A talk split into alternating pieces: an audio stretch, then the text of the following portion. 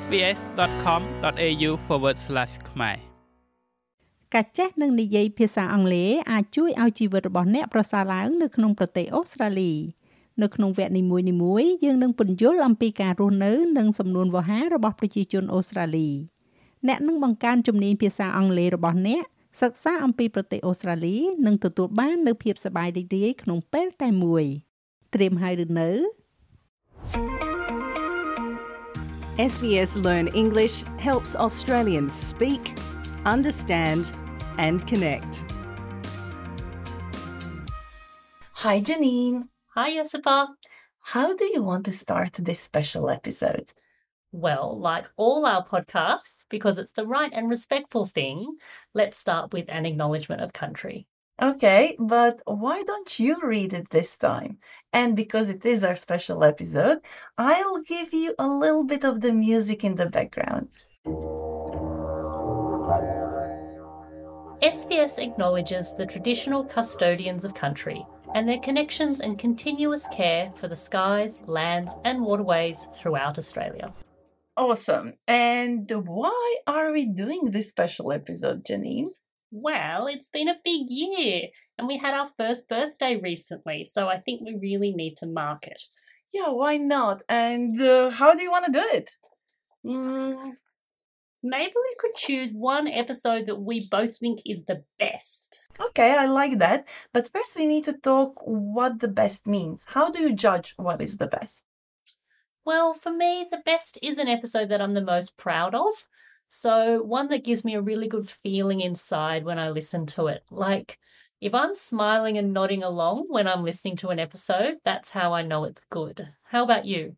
Well, I was thinking like you, but to be honest, I can't pick just one episode. So, I'm changing my approach. For me, the best episode is the one from which I learned the most. Hmm, okay, now I'm curious. Which episode did you choose? What did you learn? Well, after working on this episode, let's just say that I was finally able to understand my dentist.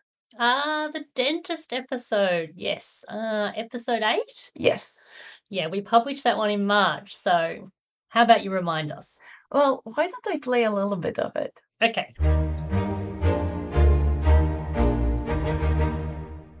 If someone tells me that they love going to the dentist, I think they're lying through their teeth. We say that someone is lying through their teeth when we think they're telling a very big lie and they're not ashamed. And how about you? Do you like going to the dentist? How often do you go? And once you are there, do you know what to say? And do you understand your dentist's advice? Listen to this conversation between Marian and Alan. Today, Marian is a patient and Alan is her dentist. I think I've chipped a tooth and my gums bleed easily. Have you got any toothache or sore gums? No, I don't have any toothache, but my teeth are a bit sensitive and my gums bleed when I floss. Okay, let's have a look. Please lie back and open your mouth. We heard some useful phrases that can help us communicate concerns about our teeth. Let's go through them one by one. First, Marian said, I think I've chipped a tooth and my gums bleed easily. Marian chipped her tooth. That means that a small piece of her tooth broke off, and now she can feel its sharp edges. If you have a chipped tooth, you could also say, I think I cracked a tooth. Or maybe your dentist will say, You have a fractured tooth, and that would mean the same thing.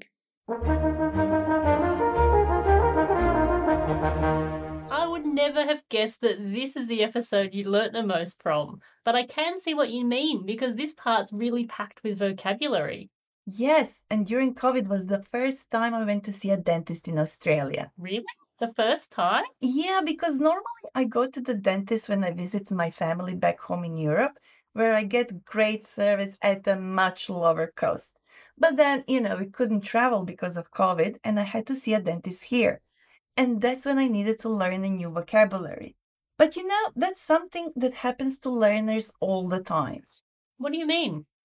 Well, as soon as you start feeling comfortable with language, well, at least in my case, you realize that there is yet another topic for which you are missing a phrase or vocabulary. So when it comes to learning the language, the journey never stops. There's always something new to learn. That's so true. Okay, listen to this. 你知道我在学中文吗? Awesome, but what does it mean? That means, did you know I'm learning Chinese? Oh, that's great, Janine. Yeah, I've been learning Chinese for over 20 years and it's been really a very stop start journey. So sometimes it's so frustrating because it feels like I make such slow progress. But I really love how you can learn about a culture through learning the language. Yeah, me too. So, what episode are you proud of the most? Dun, dun, dun. Yeah. Our first episode, of course. I'm glad you chose that episode. It's been such a long time since I heard it. Me too. So, what are you waiting for? Let's play it. Here we go. Ease into the English language and Australian life with SBS Learn English. Hello, and welcome to the first episode of Learn English. My name is Josipa, and like you, I'm still learning the English language. It's not an easy language to learn, is it?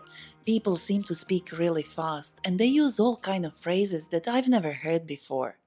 For us, learners, that can be so confusing. For example, phrases like hit the ground running. No, nobody's asking you to start hitting the ground while you run on it. Hit the ground running is a phrase people use to describe starting something new with lots of energy and enthusiasm. And that's exactly what we are going to do. So let's hit the ground running. Today, in our first episode, we will go to a place where many of us love to spend long hot summer days. Yes, the beach. We are going to learn how people invite each other to go to the beach or somewhere else. Also, we are going to hear about beach safety and the number one danger on our beaches. Any idea what that is? Yes, yes, you got it, rips. If you don't know what rips are, listen on. But first, let's get there. Did you see the weather forecast today? It's going to be a scorcher. Do you want to hit the beach? It'll be packed. There won't be any room to sit down. If we get there early, it shouldn't be too bad. Okay, let's hurry then. Oh, how about we ask Ben and Sonia too? It's a hot day. They might want to come along too. You ask Ben and I'll ask Sonia. Okay. Hello? Hey Ben, it's Mark. Look, it's boiling hot today. How about we spend the day at the beach? Anne's coming. Okay, great. See you there. Ben can come. How about Sonia?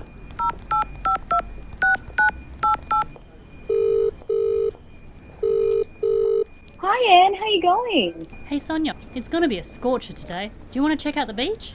That sounds lovely. I'll meet you there. Okay, let's go. It's gonna be a scorcher. I love that phrase. You know that I had never heard of that expression until you added it into the script? Really? In my house, we say it all the time. I think I even just said it last week. It's going to be a scorcher. Yeah, it's one of those phrases you can't learn in books. Australia has so many interesting expressions that can really be quite fun to use. And that's why I believe when learning a new language, it is important to make the most of content like the one we produce here at SBS because it helps you speed up the learning process. Yeah, that's one of the reasons we've made this particular podcast, and it's for slightly higher level learners because lots of learners might reach an okay level of English, but that's actually the danger time because it's when your language skills stagnate or stop. And that's because nobody corrects you anymore and you start to lose motivation. But this also means that the opportunities for improving your career and life in Australia might also slow down. So that's where this podcast comes in. It's for busy people. It means you can easily listen and still do all those things in your life and just keep listening and learning and improving. Yeah, and you know what's my favorite thing about working on SBS Learn English? Well, other than working with you, of course. Of course.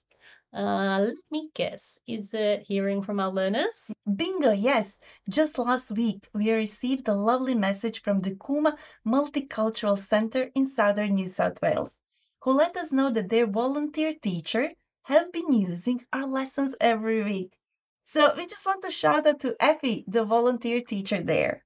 Thanks, Effie. Thanks so much for getting in contact. And I just want to say thank you to all the volunteer teachers out there that donate their time. We think you're all amazing. It's been a, such a fantastic year, Janine, and I can't wait to see what the next one will bring. I know we're going to keep making more lessons, lots more podcasts and videos for all level learners. So please get in touch. Let us know what you like, what you don't like, what topics you want us to cover. Yeah, keep listening and keep learning. As always, I'm Josipa. I'm Janine. We are SBS Learn English. Learning English can change your life. Subscribe so you don't miss an episode and visit our website for learning notes and transcripts.